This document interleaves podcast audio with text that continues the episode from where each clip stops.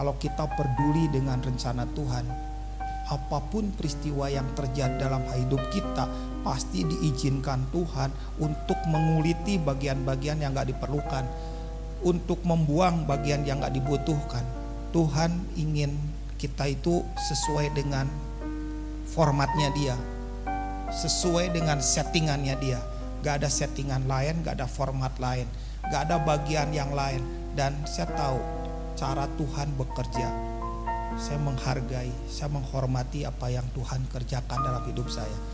Saya tahu Tuhan yang hari ini sedang mendidik, melatih bertahun-tahun dalam hidup saya itu sangat teramat mahal Tuhan pakai macam-macam orang untuk mencongkel, untuk merusak, untuk menghancurkan.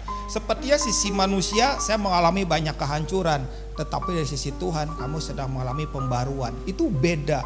Tuhan selalu menginginkan kita mengalami sesuatu yang baru dan Tuhan ingin kerjain kita poin terbesar dalam hidup ini adalah kalau engkau peduli dengan rencana Tuhan, bagian-bagian yang terjadi dalam hidupmu, apakah itu menyakitkan, apakah itu membuat engkau terluka parah, itu bagian daripada persiapan Tuhan.